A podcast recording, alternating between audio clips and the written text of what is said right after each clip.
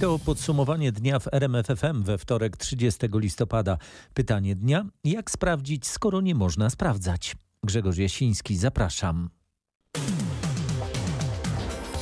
Jeśli nie powstrzymamy ludzi przed zakażaniem się, by mieli czas się zaszczepić, jeszcze więcej ludzi umrze.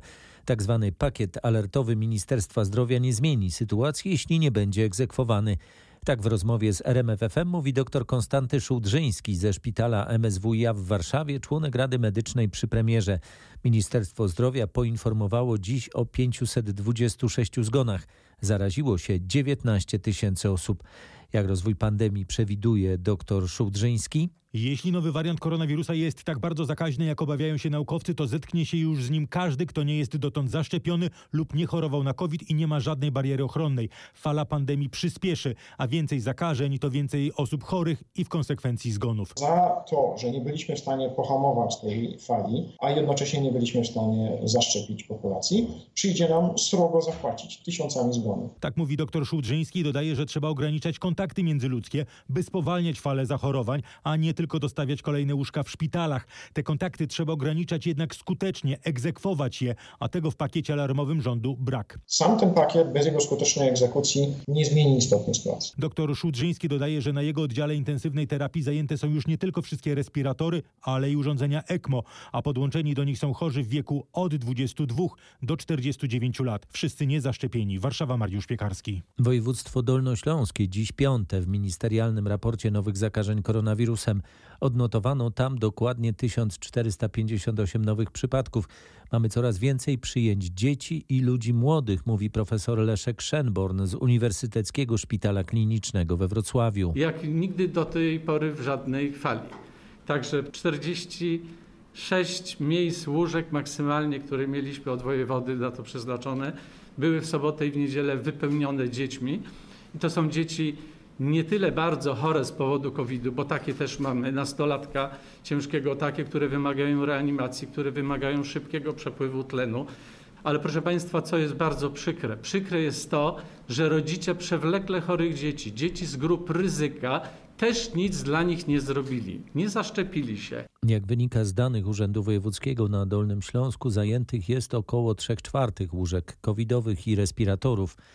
Uniwersyteckie Centrum Kliniczne w Gdańsku wstrzymuje planowe przyjęcia. Co więcej, od północy ma przestać działać kliniczny oddział ratunkowy w tym szpitalu.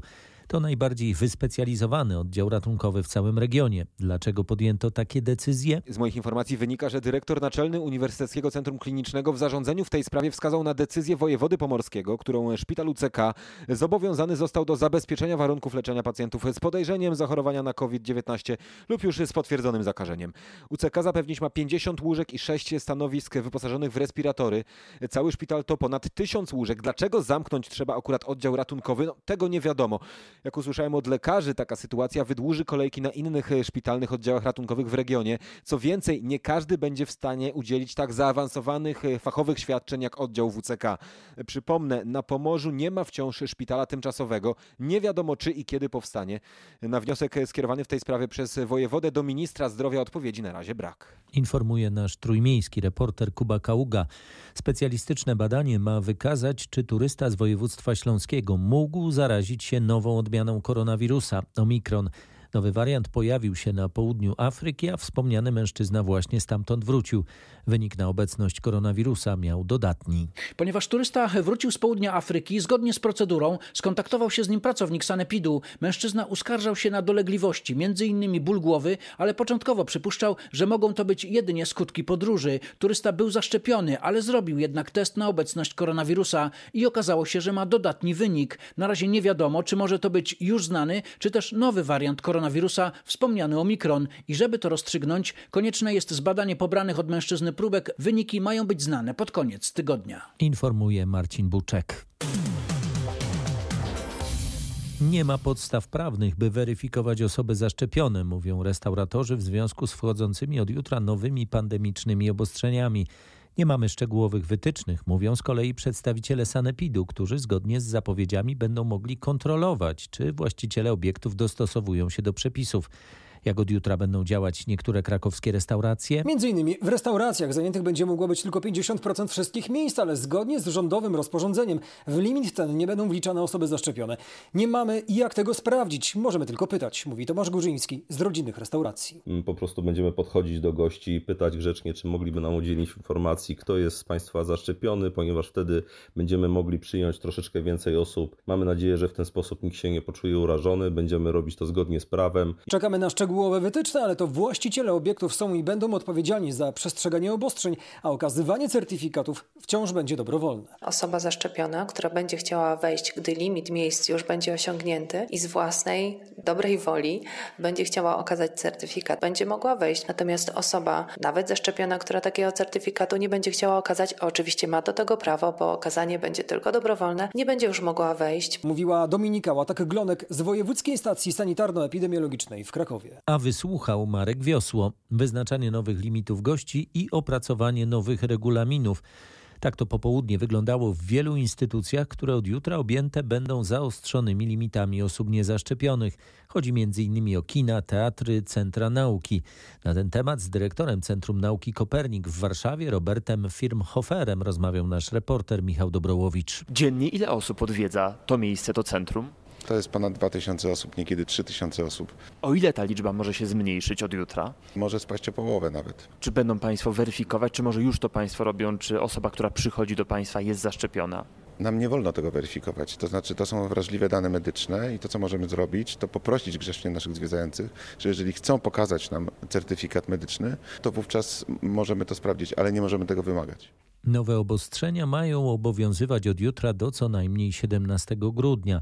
Zakopiańscy hotelarze rozwiewają wszelkie wątpliwości. Nikt od jutra nie będzie kontrolował świadectw szczepień przeciw COVID-19 w hotelach, dlatego że hotelarze nie mają do tego uprawnień, a nawet gdyby mieli, to hotele, pensjonaty czy właściciele kwater prywatnych musieliby zatrudniać specjalistów od ochrony danych osobowych. No, nowe przepisy są zrobione po polsku, czyli bez sensu i kompletnie nie mają za, zastosowania, bo co my możemy zrobić? My nie jesteśmy podmiotami medycznymi, jakimiś podmiotami leczniczymi, żebyśmy mogli kontrolować czyjąś dokumentację medyczną. No jeżeli klient nam pokaże kod covidowy, no to nam pokaże covidowy, jeżeli nam pokaże kod, który wyjął przed chwilą z chipsów, to nam pokaże ten kod. I co my możemy zrobić? Tak naprawdę to jest nie do weryfikacji. Nie możemy kontrolować, czasami goście po prostu dzielą się tą informacją y, z nami sami od siebie. Czyli muszą to zrobić dobrowolnie. Tak, dobrowolnie. Mówili naszemu reporterowi Maciejowi Pałachickiemu, właściciel pensjonatu Łukasz Filipowicz i dyrektor hotelu Karolina Sobańska. Ubolewamy i wyrażamy smutek z tego powodu. Wszystkich zachęcamy do szczepień, mówią przedstawiciele krakowskiej kurii o kapelanie ze Szpitala Uniwersyteckiego w Krakowie. Ten został dziś dyscyplinarnie zwolniony. Według dyrekcji szpitala ksiądz miał namawiać, by się nie szczepić. Rzeczywiście ksiądz kapelan dzisiaj został zwolniony z tej przyczyny, że nie do końca popierał szczepienia, dlatego będzie nowy kapelan, a my jeszcze raz powtarzamy i zachęcamy do tego, żeby jednak ratując swoje życie i innych i troszcząc się o to życie, co jest zapisane w przykazaniu nie zabijaj, cały czas przypominamy o tym, żeby jednak korzystać ze szczepień. Mówił ksiądz Łukasz Michalczewski, rzecznik krakowskiej kurii. Komisarz Unii Europejskiej do spraw zdrowia Stella Kyriakides wysłała list do ministrów zdrowia krajów wspólnoty. Korespondencja dotyczy zagrożenia związanego z pojawieniem się nowego wariantu koronawirusa o nazwie Omikron. Nasza korespondentka w Brukseli Katarzyna Szymańska-Borginą poznała treść tego listu, co się w nim znajduje. Komisarz pisze, że po raz kolejny mamy do czynienia z bardzo trudną i niepokojącą sytuacją epidemiologiczną. W związku z tym apeluje, aby władze dokonały wszelkich starań, aby zwiększyć wskaźnik wyszczepialności. Apeluje o szybkie podawanie dawek przypominających, a także o wprowadzenie środków, jak pisze, niefarmakologicznych. Chodzi o różnego rodzaju restrykcje, które ograniczają transmisję wirusa. Apeluje apeluje o zwiększenie zdolności do testowania, a także o zwiększenie sekwencjonowania wirusa, czyli wykrywania jego nowego wariantu. Unijna komisarz wezwała także do wspólnych zamówień na leki przeciw COVID-19. Jej zdaniem wspólne zakupy szczepionek odniosły sukces, dlatego trzeba go teraz powtórzyć w związku z lekami. Szefowa Europejskiej Agencji Leków Emer Cook powiedziała, że agencja będzie mogła w ciągu dwóch do czterech miesięcy zatwierdzić szczepionki przeciw COVID-19, które ewentualnie zostaną dostosowane do nowego wariantu Omikron. Emer Cook wystąpiła w Komisji do Spraw Zdrowia w Parlamencie Europejskim. Emer Cook powiedziała, że nie ma jeszcze informacji co do skuteczności szczepionek wobec nowego wariantu Omikron. Zauważyła natomiast, że są pewne różnice między Europą a Afryką Południową. W Unii większość dorosłych jest już zaszczepiona, a teraz otrzyma dawkę przypominającą. To są jej zdaniem także czynniki, które mogą mieć wpływ na rozprzestrzenianie się nowego wariantu. Nie wiadomo więc, czy producenci będą musieli dostosować swoje szczepionki do nowego wariantu. Zapewniła jednak, że Europa jest przygotowana na taką sytuację. Powiedziała, że takie dostosowanie produkcji do nowego wariantu będzie wymagało jednak przeprowadzenia nowych testów klinicznych. Zatwierdzenie zmodyfikowanego preparatu odbędzie się jednak w trybie przyspieszonym. Zaapelowała jednak o dalsze szczepienia aktualnymi szczepionkami i przyjmowanie dawek przypominających. Donosi z Brukseli nasza dziennikarka Katarzyna Szymańska-Borginą. Wielka Brytania zmienia zasady rozprowadzania szczepionek, od dziś też przywraca niektóre restrykcje. Dotychczas na wyspach zdiagnozowano 9 przypadków mutacji omikron koronawirusa. Co się zmienia? Trzecia dawka szczepionki oferowana będzie ludziom powyżej 18 roku życia. Będą mogli ją przyjąć już 3 miesiące po otrzymaniu drugiej. To ma wzmocnić odporność Brytyjczyków jako populacji wobec nowego zagrożenia. Od dziś wyspiarze muszą nosić maseczki w sklepach i środkach publicznego transportu. Wszyscy przybywający na wyspy, nawet ci podwójnie zaszczepieni, muszą od dziś poddać się samoizolacji, z której zwolnieni będą dopiero po otrzymaniu negatywnego wyniku testu PCR. Wielka Brytania jest krajem, który osiągnął wysoki poziom szczepień. 70% Brytyjczyków jest w pełni zaszczepionych, a 25% przyjęło już trzecią dawkę. Informuje nasz londyński korespondent Bogdan Frymorgan. Polacy utknęli w Maroku. Po tym jak ten kraj nieoczekiwanie o północy zamknął granice, nawet 300 Polaków może mieć problem z powrotem do kraju. Wstrzymane są loty do i z Maroka. Wszystko z obawy przed nowym wariantem koronawirusa. Jakie są szanse na powrót tych osób z tego kraju? To zależy, czy przyjechali do Maroka z biurem podróży, czy indywidualnie. Osób, które podróżują po Maroku na własną rękę jest ponad 70. Może być nawet więcej, ale tyle zarejestrowało się w programie Odyseusz. Kontaktuje się z nimi już polski konsul w Maroku. Na razie nie ma mowy o wysyłaniu specjalnego samolotu z Polski. Być może zostaną zabrani przez francuskie linie lotnicze, które organizują dla swoich obywateli tak zwane rejsy repatriacyjne, ale taki rejs dla obywateli innych krajów kosztuje nawet 4 tysiące złotych od osoby. W Maroku jest też ponad 200 turystów dwóch biur podróży. Będziemy ich sprowadzać w najbliższy piątek. Będzie to specjalny samolot, który leci z Wysp Zielonego Przylądka i po prostu po drodze zatrzyma się, żeby zabrać naszych turystów z Maroko. Powiedział mi Marcin Małysz z zarządu Exim Tours, bo jest szansa na lądowanie w Maroko samolotów, które nikogo nie przywożą do tego kraju jest więc szansa na wysyłanie pustych samolotów czarterowych. Warszawa Mariusz Piekarski. Działania reżimu Łukaszenki wskazują na to, że chce jak najdłużej utrzymywać kryzys migracyjny na granicy z Polską. Wynika z obserwacji polskich służb. Chodzi przede wszystkim o przygotowania cudzoziemców do przetrwania zimy na pograniczu. Co konkretnie robią Białorusini? Rozszerzają możliwości dania schronienia migrantom w hali magazynowo-logistycznej koło przejścia granicznego Kuźnica-Bruzgi. Do tego od dziś w pobliżu otwarto stały punkt medyczny z dyżurami lekarzy różnych specjalności. Do tej pory pomoc lekarska udzielana była przez załogę stojącego tam pogotowia ratunkowego. Cudzoziemcom dostarczana jest też ciepła odzież i obuwie. Jak wynika też z wypowiedzi imigrantów, Białorusini sugerują im, by cierpliwie czekali na granicy, bo Zachód w końcu się ugnie. Z nieznanych przyczyn odwołano też wczoraj wczoraj i dziś powrotne loty z Mińska do Iraku. Dwoma skasowanymi kursami mogło wrócić blisko tysiąc cudzoziemców. Donosi nasz reporter Krzysztof Zasada. Sejm odrzucił poprawki Senatu do nowelizacji ustawy o ochronie granicy państwowej. I bez tej ustawy o stanie wyjątkowym Straż Graniczna mogła robić to, co robi teraz. Komentuje w popołudniowej rozmowie w RMFFM poseł PSL Marek Sawicki. Polityk odniósł się też do samej budowy zapory na polsko-białoruskiej granicy. Jak dodaje, to nie wszystko. Żadna zapora nie zatrzyma imigrantów, jeśli ich będzie 15, 20, 100 tysięcy, więc trzeba zatrzymać strumień dopływu tych imigrantów. No I to nie zrobił polski trzeba rząd działać, niestety, trzeba tego nie zrobił na- Mateusz na Morawiecki. W momencie, kiedy Niemcy zorientowali się, że tych turystów y, z Bliskiego Wschodu Bia- po, poprzez Białoruś jest kilkanaście tysięcy w Niemczech, no to Angela Merkel wykonała telefon. Przegraliśmy na własne życzenie pierwszy etap wojny Polska-Białoruś przez to, że nie wpuściliśmy tam dziennikarzy, mówił Sawicki. I bez tej ustawy Straż Graniczna na podstawie uprawnień wojewody mogła robić to wszystko, co robiła. Czyli obyłoby się bez poza, tej ustawy. Oczywiście, poza jednym, oczywiście poza brakiem dostępu dziennikarzy i osób tak zwanych postronnych. Reżim Łukaszenki potrafi udostępnić swoją przestrzeń i teren dla dziennikarzy także innych państw, nie tylko własnych, a Wszystko jasne, Polska otwarta, Wszystko jasne, demokratyczna pośle. władza boi się Więc tej. krótkie pytanie, czy ta ustawa, która dzisiaj została przyjęta w Sejmie, ona jest potrzebna czy niepotrzebna?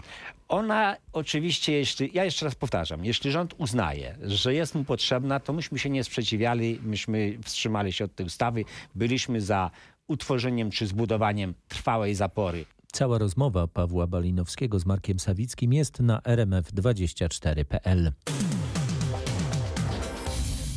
Ceny w Polsce przyspieszyły. W listopadzie inflacja wzrosła z 6,8 do 7,7%.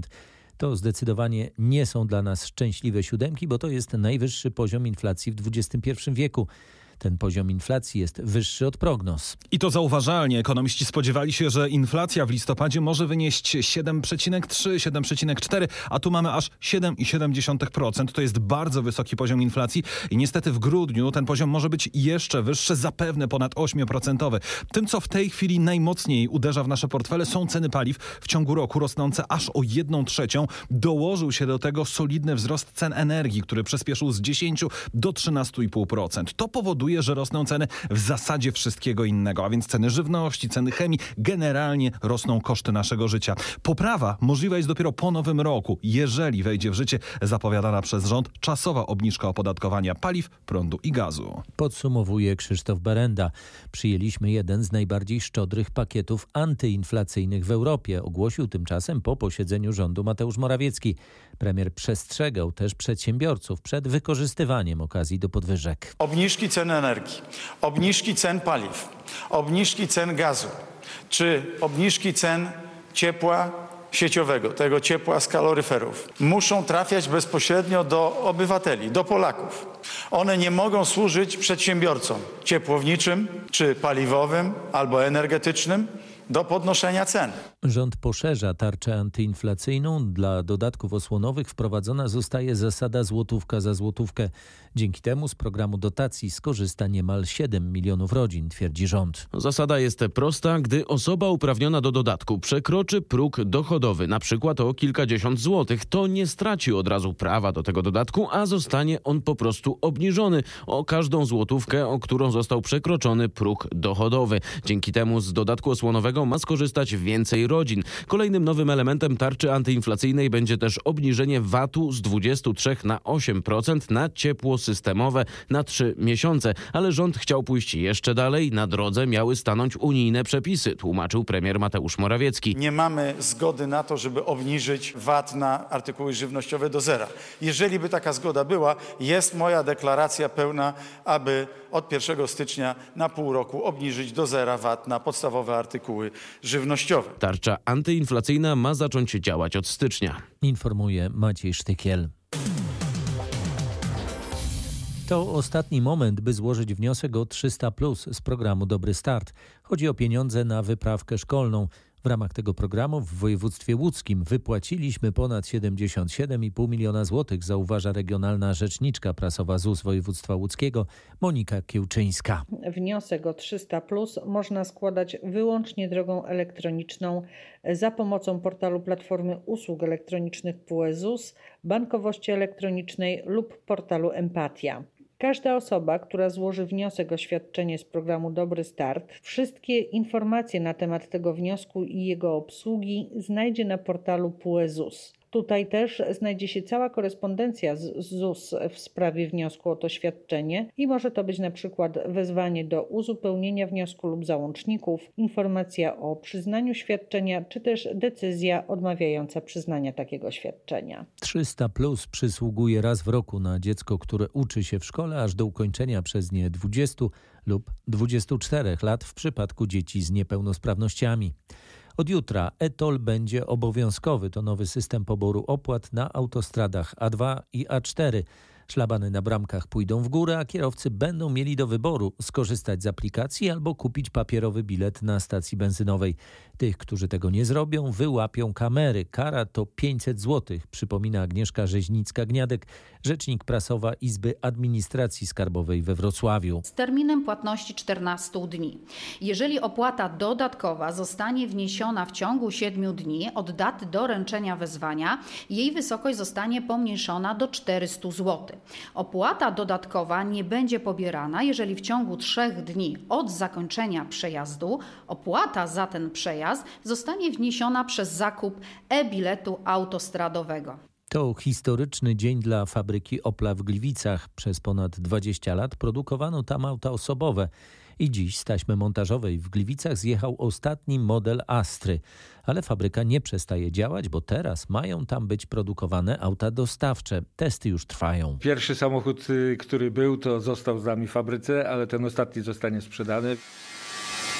Tutaj kończyła się produkcja? Tak, w tym miejscu się kończyła y, produkcja y, karoserii na spowalni. Wszystkie te urządzenia służyły do produkcji tego starego modelu. Po lewej stronie tak, natomiast urządzenia po prawej stronie są to już urządzenia pod nowy model.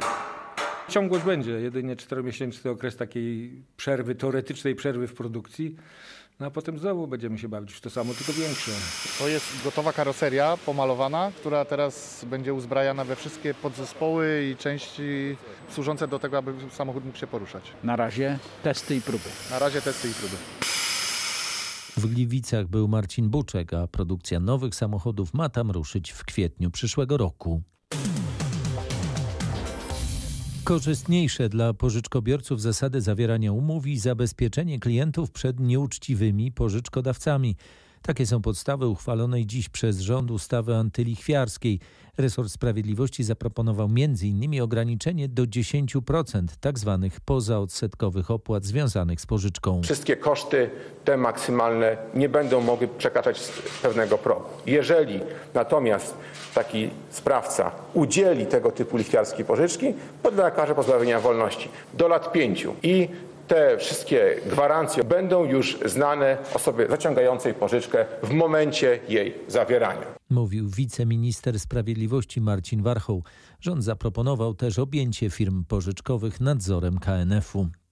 Popularna piosenkarka Dorota R. i jej były mąż Emil S. z zarzutami. Chodzi o śledztwo w sprawie działalności jej spółki produkującej filmy. Zarzuty dotyczą działania na szkodę wierzycieli firmy Emila S. Chodzi o inwestorów, którzy wyłożyli pieniądze na produkcję filmów. Artystka usłyszała jeden zarzut w sprawie pomocy w ukrywaniu środków przed wierzycielami. Chodzi o założenie spółki na Malcie, do której jej były mąż przelał 12 milionów złotych. On usłyszał w sumie 45 zarzutów, w tym także przywłaszczenia ponad 8 milionów złotych na szkodę osób, które zainwestowały w filmowe produkcje. Grozi mu 10 lat więzienia byłej żonie pięć. O szczegółach sprawy informował Krzysztof Zasada. Sąd Okręgowy w Wielkopolskim Kaliszu zdecydował dziś o uchyleniu aresztu dla trzech organizatorów marszu, który 11 listopada przeszedł ulicami miasta. Mężczyźni są podejrzani o nawoływanie do nienawiści i znieważenie na tle różnic narodowościowych. Warunkiem zwolnienia są jednak wpłaty poręczeń majątkowych. W trakcie posiedzenia sądu przed jego budynkiem odbyła się pikieta. Spotkali się na niej zwolennicy podejrzanych. Jeden z nich wdarł się także do budynku sądu. Poza tym incydentem pikieta przebiegała spokojnie. Jej uczestnicy wznosili liczne hasła, wśród nich cytat uwolnić patriotów. Odśpiewali też rotę. Decyzję sądu o zwolnieniu z aresztu Wojciecha O, Marcina O oraz Piotra R pod warunkiem, że ci wpłacą kaucję przyjęli oklaskami. Trzej mężczyźni są odpowiedzialni za organizację marszu 11 listopada, w trakcie którego wznoszono m.in. antysemickie hasła oraz spalono kopię tzw. Tak statutu kaliskiego. To dokument z XIII wieku dający Żydom swobodę wyznania czy istnienie sądów żydowskich. Dzisiejsze posiedzenie Sądu Okręgowego w Kaliszu to efekt zażaleń, jakie złożyli obrońcy podejrzanych po decyzji o ich aresztowaniu. Informował nasz reporter Mateusz Chłystun. Zarzuty zabójstwa półtora miesięcznego dziecka usłyszeli 27-latka i jej o rok starszy partner z wielkopolskiego Złotowa. Według śledczych obydwoje odpowiadają za śmierć niemowlęcia, które jak wynika z ustaleń prokuratury zostało dotkliwie pobite. Sprawą także zajmuje się nasz wielkopolski reporter. Jak doszło do tej tragedii? E, ustalenia śledczych są wyjątkowo drastyczne. Wynika z nich, że dziecko miało między innymi złamaną kość potyliczną i krwiaka wewnątrz czaszki. E, biegli nie mają wątpliwości, że obrażenia powstały w wyniku pobicia. Według zeznań jednego ze świadków, e, sąsiadki podejrzanych, matka niemowlęcia miała prosić ją o pomoc, tłumacząc, że dziecko nie oddycha. Kobieta natychmiast kazała wezwać pogotowie, czego 27-latka nie zrobiła. W tym czasie partner podejrzanej w ogóle nie interesował się sytuacją. Do tego zdarzenia doszło 22 listopada w Złotowie, ale śledczy poinformowali o nim dopiero teraz. 27-latka i jej o rok starszy partner nie przyznali się do winy. Grozi im do 25 lat więzienia. Decyzją sądu obydwoje zostali tymczasowo aresztowani. Informował Mateusz Chłystun. Zarzuty podpalenia i usiłowania zabójstwa usłyszał 43-latek z powiatu brodnickiego w Kujawsko-Pomorskiem. To pokłosie pożaru domu wielorodzinnego, do którego doszło w nocy z piątku na sobotę w Nowym Mieście Lubawskim. Mężczyzna miał rozlać na klatce schodowej łatwopalną substancję i ją podpalić. E, dzięki szybkiej reakcji mieszkańców i służb wszystkich udało się bezpiecznie ewakuować. E, straty oszacowano już na 100 tysięcy złotych. 43-latek e, usłyszał cztery zarzuty. Obok wspomnianego już podpalenia i usiłowania zabójstwa mężczyzna odpowie też m.in. za groźby karalne. Decyzją sądu mieszkaniec powiatu Brodnickiego najbliższe trzy miesiące spędzi w areszcie. Donosi nasz reporter Piotr Bułakowski. Trwają przygotowania do muzycznej wersji komedii Williama Shakespeare'a. Ze sceny Teatru Narodowego w Warszawie popłynie grana na żywo muzyka. Będą miłosne uniesienia, rozczarowania, nieustanne przebieranki i zamiany ról. W spektaklu Wieczór Trzech Króli albo Co chcecie, aktorzy będą tekst Szekspira śpiewać. W obsadzie m.in. Wiktoria Gorodecka, ja, Michalina Łabacz, Monika Dryl, Cezary Kosiński i Jerzy Radziwiłowicz. Jerzy Radziwiłowicz żartobliwie mówi, że ma w kontrakcie w teatrze, że nie śpiewa. Rozumiem i nie ma mowy, byś go przyjęła. Rozumiem, rozumiem. Jerzego Radziwiłowicza udział w wokalnej części tego przedstawienia jest rzeczywiście żartobliwy i dalece umowny. Reżyseruje Piotr Cieplak. Uwaga, proszę o ciszę. Tutaj pojawia się jakaś gra pozorów, intryga goni intrygę, już nie wiadomo kto jest kim i w kim i w czym się zakochuje. Uczyniliśmy z tej sztuki przedstawienie, bo ja wiem, może w połowie, może nawet więcej niż w połowie, przedstawieniem muzycznym coś pomiędzy musicalem a operetką czy jakąś operą buffo. Premiera w najbliższą sobotę. Iga Świątek wraca do treningów i rozpoczyna przygotowania do nadchodzącego sezonu. Cel numer jeden to przyszłoroczny wielkoszlemowy Australian Open.